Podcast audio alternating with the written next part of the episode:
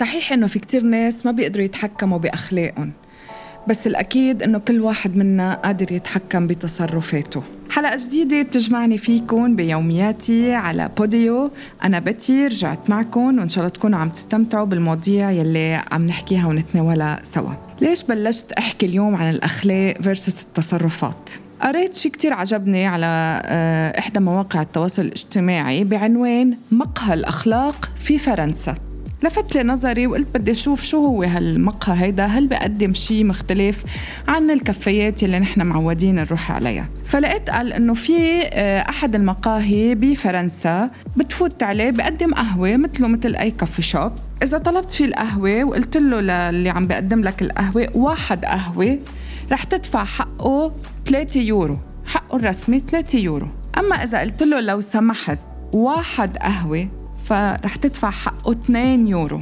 المفاجأة هي قال لو بتقول له للبائع يلي عم بيقدم لك القهوة صباح الخير واحد قهوة لو سمحت فرح تحصل على فنجان القهوة بيورو واحد. تخيل شو هالفكرة هيدي؟ هي مش فكرة إنه هو في عرض وفي promotion وبدنا نبيع قهوة أكتر وبدنا يصير عنا زبائن أكتر.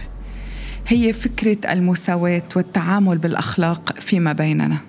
مش إذا أنا فت على كافي شوب لأطلب قهوة أو أي شيء عبالي آكله. وحكيت بطريقة فوقية فيها تعالي بطريقة الأمر. معناتها أنا صرت شخص والله منشاف. أنا شخص موجود.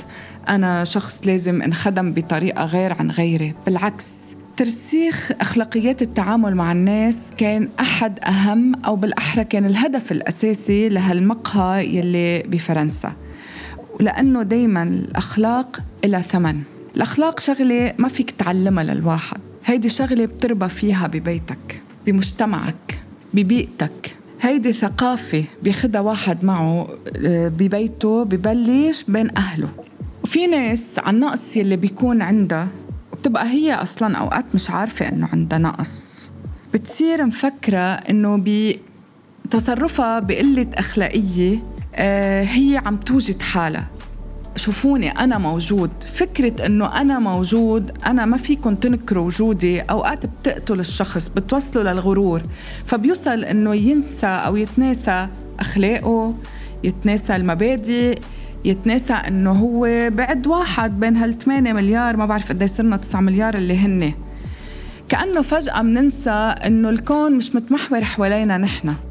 وكأنه فجأة منتناسى إنه نحن ما إلنا وجود من غير هالدائرة الموجودة حوالينا من الناس مش عم بقول بس الأصدقاء أو الزملاء أو العيلة. أوقات نحن بنمشي على الطريق ومنلاقي شخص ما بنعرفه ولا شايفينه بيتبسم لنا لأنه هي طبيعة هي أخلاق فيه. تعود ببيته إنه يوعى الصبح ويقول صباح الخير أو يتبسم. فهي طبيعة فيه. يمكن بشغله مطلوب منه مثلا اللي بيشتغلوا بال hospitality مطلوب منهم دايما إنه يكونوا متبسمين لأنه هيدي أول impression بيعطوها للزبون.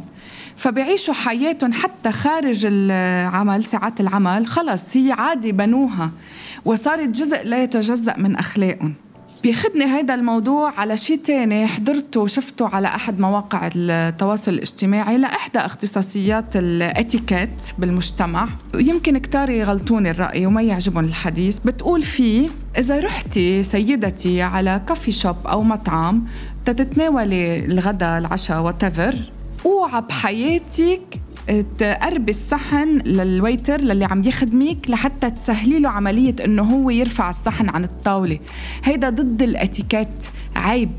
لا ما فهمت. okay. هيدا الاتيكيت يمكن كان دارج بمجتمعات القديمة كتير الأرستقراطية الإقطاعيين ما بعرف شو. نحن اليوم بعتقد كلنا طلبنا وعم نطالب بالتساوي بالعنصرية بال آه، بالمساواة باحترام الذات احترام الغير بكل هيدا. ما بعتقد فيها أي إهانة لأي من شخصيتي من كياني من وجودي من معرفتي من اطلاعي حتى من البوزيشن تبعي من شو ما كنت بالحياة بإني يسر أمور هاللي عم يخدمني بهالمطعم.